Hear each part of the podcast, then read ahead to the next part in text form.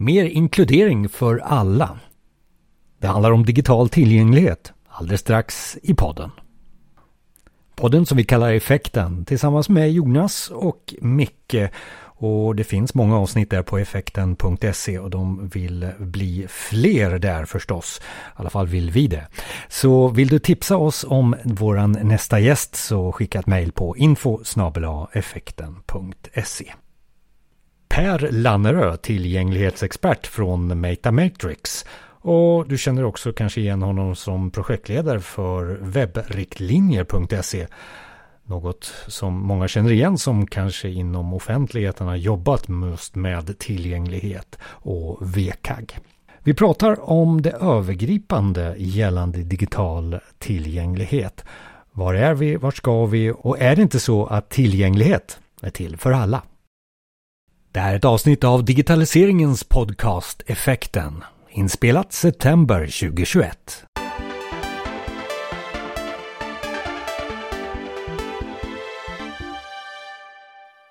Vi kommer vidare i digitaliseringen och nyfikenheten på just det här med tillgänglighet eh, runt det digitala. Och välkommen till podden Per. Tack så mycket. Ska vi börja någonstans här med digital tillgänglighet? Vad kan det här vara för någonting och vad, vad är det för, för dig? Vi börjar där. Ja, alltså tillgänglighet är ett sådant ord som kan betyda allt möjligt i olika sammanhang. Till exempel om ni jobbar med serverdrift, då handlar det ofta om hur många procent av tiden är servern igång och nåbar. Och det är inte den typen av tillgänglighet som jag jobbar med, utan jag jobbar med tillgänglighet i förhållande till människors varierande förmågor och ofta då i förhållande till, till funktionsnedsättning. Eh, och eh, det finns faktiskt ISO-standarder som definierar vad betyder digital tillgänglighet i, i det sammanhanget. Och då brukar man säga att det är ehm, att utforma system och information som gör att människor med bredast tänkbara spännvidd av förmågor och egenskaper kan använda systemen för att utföra sina uppgifter. Och, och, vi som har varit med både i podden och, och kanske också jobbar med det, vi, vi, känner igen det här med VCAG eller VKAG. Är det, befinner vi oss i det området här när vi pratar om digital tillgänglighet? Absolut. Eh, uh, VKAG är då en standard som är eh, uh, 13 år gammal i den nuvarande mm, generationen kan man säga. Och uh, det är alltså en extremt central dokumentation i, på det här området. Sen är inte det den enda standarden och det är inte, det, det är inte hela facit så att säga, men det är en viktig del. Är det en speciell målgrupp vi vänder oss till, till exempel? Är det offentligheten eller det privata? Eh, jag skulle säga att eftersom tillgänglighet handlar om att låta människor vara delaktiga i den digitala miljön, eh, så det spelar ingen roll vad vi rör oss i för samhällssektor utan alla som har med människor att göra via digitala kanaler måste vi se till att vi anpassar vår kommunikation och våra system så att alla människor kan vara med. Eh, det, det, är liksom grunden att ja, men har vi med människor att göra så måste vi vara människotillvända. Eh, API är en annan sak. Då är det maskiner som är våra mottagare. Det är inte riktigt den här typen av tillgänglighet. Eh, men när vi vänder oss till människor då måste vi ta höjd för att människor har olika synförmåga, hörselförmåga, eh, kognitiva förmågor och eh, eh, rörelseförmåga till exempel. Eh, annars kommer vi inte nå fram, annars kommer människor få besvär. Så det är ju grunden. Sen råkar det vara så att det har kommit massa lagstiftning på det här området också. Och det har funnits ett par år nu för offentlig sektor, så det är en, en intensiv verksamhet i hela offentlig sektor i hela Europa, för det är EU-baserad e lagstiftning. Eh, så det händer mycket där. Men det är på gång också för privat sektor, inte riktigt alla branscher. Men flera branscher, till exempel e-handel. Hela e-handelsbranschen kommer få ungefär samma krav på sig som offentlig sektor har idag eh, om ett par år. 2025 ska de kraven vara uppfyllda. Eh, och för eh, resebransch, alltså persontransporter, buss, båt, eh, färjetrafik och så vidare, flyg. Sådana, när man köper biljetter eller får, får information om sådana resor, eh, då måste det uppfylla tillgänglighetskrav. Eh, banksektorn likaså, e-böcker och, och en hel del medierelaterade tjänster, så kommer det vara samma krav som redan idag är på offentlig sektor. Och offentlig sektor har ju, och vi har ju haft ett avsnitt om, om BCAD tidigare, det handlar ju om eh, att, att offentlig sektor är ju lite, eh, några år före då, eh, så kan, man ju säga, men lite kort om tillgänglighet, är det, både, är det text bara eller är det, vad är det för någonting man ska göra tillgängligt eh, så digitalt? Mm, det är ganska brett faktiskt. Om vi tänker på människan, vi har ju då massor med olika förmågor. Vi har förmåga att se saker, många av oss. Vi har förmåga att höra saker. Vi har förmåga att eh, Eh, bearbeta information. Vi kan röra olika kroppsdelar. Eh, vi kan särskilja färger. Vi kan, ja, det finns väldigt många olika. Jag tror att Socialstyrelsens katalog över mänskliga förmågor har typ 7000 poster eller något sånt. Och vi kan ha nedsättningar på var och varannan av de där. Och vi har det. Det är väl ingen som har full Eh, kapacitet liksom på alla områden, vad nu full kapacitet är. Eh, utan det finns nedsättningar av miljarder olika slag eftersom vi är miljarder människor. Eh, och det här behöver vi alltså ta hänsyn till när vi bygger digitala tjänster. Så vi kan inte förvänta oss att alla kommer se den här eh, skärmen som vi håller på att designa så fint. Utan vi måste tänka på att en del kommer att lyssna. Hur låter det då? Vi behöver provlyssna. Vi kan inte förvänta oss att alla kan använda en mus för att klicka eller hovra över länkar och så vidare. Eh, den som har en pekskärm kanske inte kan hovra. Eh, och en del personer är beroende av att använda tangentbordsnavigation för att man kanske har förslitningsskador och liknande. Alltså då måste vi se till att det går att använda tangentbord också. En, en del har andra typer av inmatningsenheter. Man sugblås, munstycken och vi har ögonstyrning. Det är en väldig, väldig mängd med olika saker som vi behöver tänka på. Vilket är en utmaning. Ja, jag tänkte säga det, alltså min fråga var ju så här, nu kommer Per säga så här, det är de här fem sakerna och så säger du 7000. Alltså, mm. det här, nu blev det jobbigt. Ja, eh, alltså det, det, skulle ju vara väldigt jobbigt att för varje nytt system vi bygger eller för varje nytt digitalt innehållspaket som vi publicerar behöva tänka på alla de här 7000 olika och så olika grader av kombinationer där. Eh, så det är lite där som WCAG-standarden är så bra. För att den har då kokat ner många av de viktigaste behoven till 50 stycken eh, hanterbara kriterier eh, i den versionen som just nu motsvarar lagkrav. Den växer lite grann, så det kommer nya versioner av VKAG som är lite fler kriterier och så, för man måste utveckla den också när vetenskapen går framåt och tekniken går framåt och användarnas behov förändras lite grann. Eh, men det är åtminstone hanterbart att jobba utifrån den. Eh, sen är inte det heller tillräckligt, men det är åtminstone en väldigt bra start. Det, det, är en liten start på vad, vilka mål man bör uppfylla och sen hur man gör det. det. Det är väl där vi befinner oss just nu som jag har förstått det i alla fall. Ja, Eh, det är ju många som, framförallt de senaste åren när det har varit lagkrav i offentlig sektor, så har man jobbat med de här checklistorna som ofta är då VKAG-baserade. Eh, och det är ju en, en väldigt bra del. Och eftersom vi inte kan ta höjd för 7000 olika, eller vi kan inte bjuda in 7000 olika personer för användningstester så att vi får hela spännvidden representerad. Eh, så det, det, det, är rimligt att man jobbar med de checklistorna och standarderna. Eh, men sen behöver vi jobba med annat också. Vi behöver ha riktiga användare på plats, så att det inte bara är liksom mekaniskt checklistarbete. Och vi behöver jobba med medvetenhet i vår organisation så att alla som berörs, jag menar ibland är det utvecklare, ibland är det innehållsproducenter, fotografer, ibland är det kanske videoproducenter. Det är lite olika roller som berörs av tillgänglighetsbehoven. Så vi behöver liksom sprida kunskaperna i många delar av organisationerna för att, för att eh, lyfta kvaliteten. Och jag tror att vi kommer till den här, liksom lyckas med det här, men om vi tar det här med, för nu, jag känner att det är lite två målgrupper. Dels är det offentligheten som har, kanske ligger lite före och tänker åt det här hållet, har gjort det ett tag. Och sen mm. så har vi de här privata aktörerna och, och områdena eh, som e-handel som du, som du nämnde där. Då, då känns det som att ge oss nu Per lite goda exempel. Ja, alltså jag gillar det, att ni frågar efter goda exempel och eh, det är ju sympatiskt.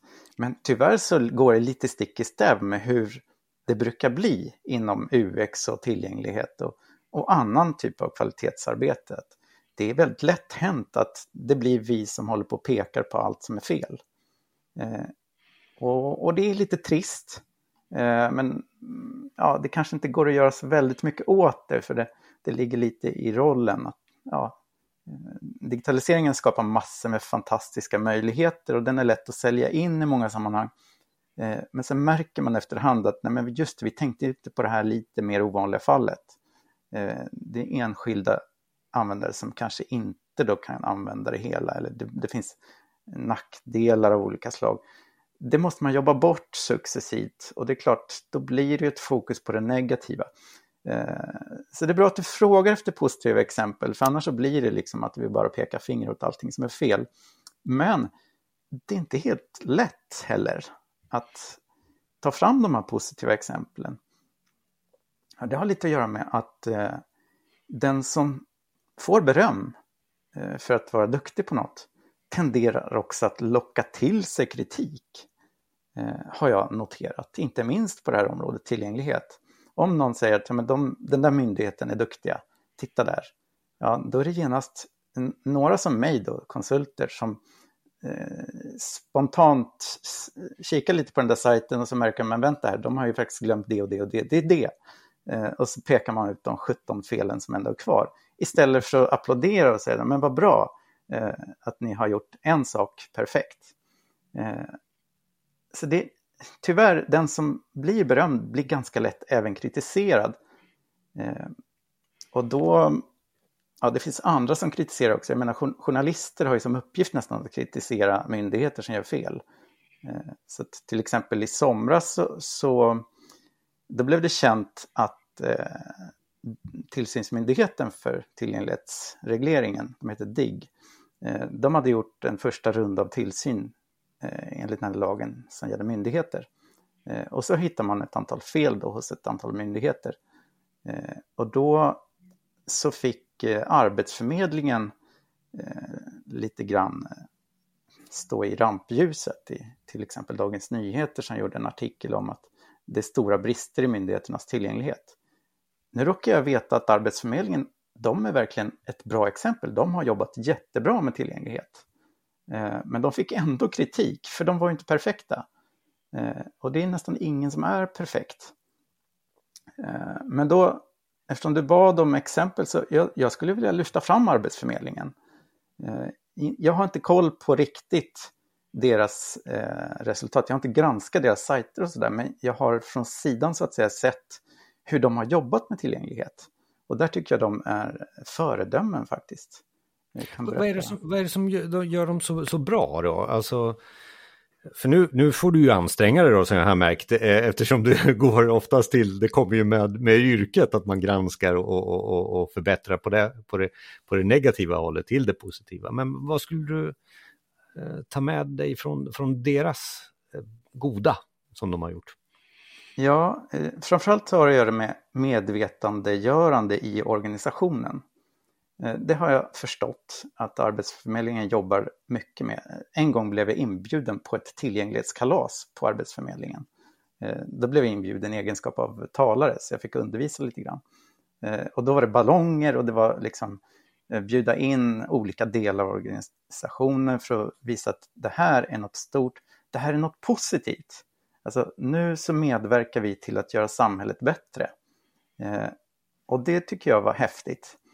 Eh, och så såg jag när jag satt i väntrummet i receptionen på Arbetsförmedlingen att de hade med i sina liksom, små bildspel och sånt, där stod de nya tillgänglighetsriktlinjer och sånt.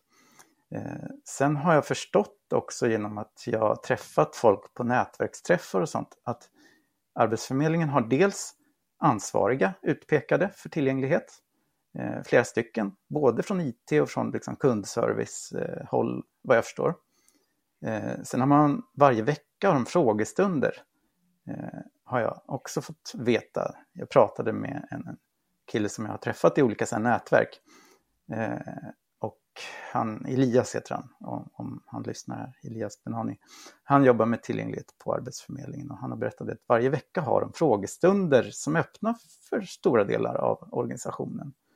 Ehm, så det är uppenbart att de jobbar mycket med att göra organisationen medveten om det här och de gör det med en positiv vinkling. Sen har de också delat med sig offentligt av sina ja, design guidelines och, och designsystem, mallar, komponenter som de har testat och sådär. Ehm, så det tycker jag också är ett konstruktivt sätt att jobba, eh, att dela med sig externt. Lite också vad jag hör, det är både verksamhet och teknik i deras sätt att eh, komma till framgång runt omkring detta. Ja, Eh, jag tolkar det så i alla fall. Nu, jag sitter inte hos dem och jag har inte några uppdrag hos dem. Men, men jag har ändå genom de här små kontakterna förstått att de jobbar faktiskt jättebra. De har också anställt en eh, medarbetare som själv är skärmläsaranvändare som har fått demonstrera hur funkar våra digitala tjänster för sina kollegor. Eh, och hon är alltså, hon har ledarhund tror jag och går omkring på kontoret så här, träffar och är kompis med, med, utvecklare och andra som jobbar med digitala system. Och eh, då, då blir det ganska så uppenbart att okej, okay, om jag inte bygger en tillgänglig tjänst nu, då kommer min kollega att bli lidande. Eh, så att, ehm, ja, det, att anställa och involvera personer som själva har behov av tillgänglighet, det blir ju ett ganska kraftfullt sätt också att integrera det i verksamheten. Det kommer sitta i utvecklarnas fingrar när de gör den där koden sen tekniskt kanske. Till exempel, mm, när de har träffat henne. Ja. Eh, och du är lite inne på det så här på, på slutet också. Du har nästan det här, hur, för min fråga är ju hur vi lyckas med eh, digital tillgänglighet nu då. Eh. Jo men eh, de saker som jag varit inne på, det tror jag är bra grejer. Alltså att ehm, lyfta det i organisationen och, och i en positiv eh, kontext. Jag menar, det här är ett sätt att göra världen mer inkluderande. Eh, det är en lagstiftning som kommer lyfta hela Europas eh, digitala miljöer till någonting som är bättre för väldigt många människor. Så på sätt och vis, det här är, det är goda nyheter som sällan kommer fram i mediebruset. Det finns mycket negativa nyheter, men det här är faktiskt någonting som en god utveckling som sker. Eh, och, och, att lyfta det i sin organisation tror jag är, är det värdefullt. Och sen rigga den organisationen, alltså anställ dem om det är så att vi behöver anställa, utbilda om det är så att vi behöver utbilda, delegera ansvar. Ja, helt enkelt gör, gör organisationen redo för de här eh, gamla behoven som nu också har blivit lagkrav eller är på väg att bli. Eh, sen tycker jag också att man behöver jobba systematiskt. Man behöver titta på VKG-standarden och, och, liknande och granska sina tjänster, se hur det är status i dagsläget och börja jobba undan det successivt så att vi inte har kvar en massa brister. Eh, och så slutligen skulle jag vilja säga att det gäller att vara lyhörd för riktiga användare också. Eh, att e- aktivt efterfråga kommentarer. Hur upplever du besöket här? Och försöka att vidta åtgärder när vi får återkoppling. Och eh, kanske även försöka nå de som inte är användare. För det kan ju bero på att de faktiskt inte klarar av att använda våra tjänster. Så det är ett sätt att kanske vidga vår målgrupp eller de som vi kan nå. Det finns ju, det är ganska breda eh, saker som man måste börja tänka. Det är inte så att jag kan läsa den här BKAG manualen på 44 sidor och tro att jag har gjort mitt jobb. Den är ju, grunddokumentet för den standarden är inte så långt, men det är ganska svårläst tyvärr. Eh, inte så tillgängligt om man säger så. Eh, men för att riktigt kunna jobba hands-on med, med den eh, specifikationen så behöver vi också läsa en väldig massa stöddokument. Så det är ett ganska mastigt material att att börja jobba sig in i. Eh, så det, det är ganska lätt att, att, plocka de lågt hängande frukterna och lära sig några av grejerna. För det, det är väldigt få av tillgänglighetsåtgärderna som i sig är svåra att förstå. Eh, det, det, brukar vara rätt uppenbart. Okej, okay, här har vi dåliga kontraster, då ändrar vi lite på färgskalan. Eller det här går inte att lyssna på, men då ändrar vi lite på kodningen så att det går att lyssna på. Det är ingen, det är rocket science, om man ska säga. Det är bara det, det är så mycket olika saker att tänka på. Så det är lätt att glöm, glömma någon enskild sak. Och därför så, så gäller det att lägga upp arbetet på ett eh, rimligt sätt. Så. Ja. Nu är den här podden kanske en start för många som kanske inte har startat. Eh, att eh, eh alla skapa någon form av intresse för detta. Men finns det någonting, förutom att vi nu kommer lägga ut i blogginlägget tillhörande det här avsnittet, ja, kontaktpersonuppgifter eh, till dig förstås Per och, och eh, eh, finns det någonting där vi lägger ut som är börja här-länk? Eh, har du någon sån eh, att rekommendera? Eh, du nämnde till exempel myndigheten DIGG där, men...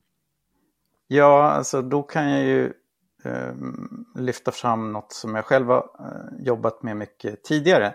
Jag var tidigare projektledare för en sajt som heter webbriktlinjer.se. Eh, då fast, fanns den hos Post och telestyrelsen. Eh, sen har den gått över till just myndigheten DIGG, eller Myndigheten för digital förvaltning.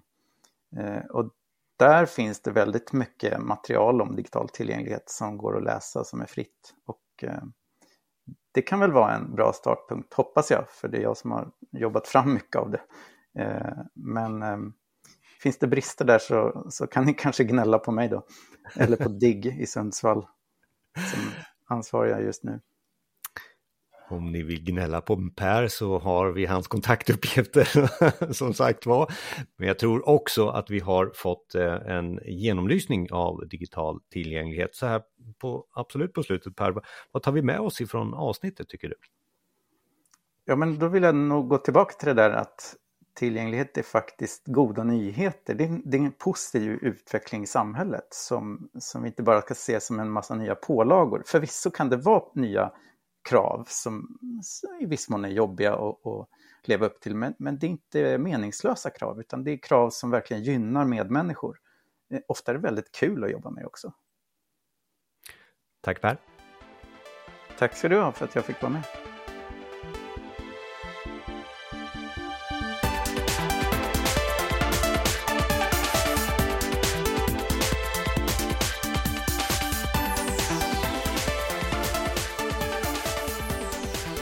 Tack för att du lyssnat till digitaliseringens podcast Effekten. Effekten.se är sajten och du får gärna tipsa oss om vår nästa gäst och ett ämne som du vill att vi tar upp.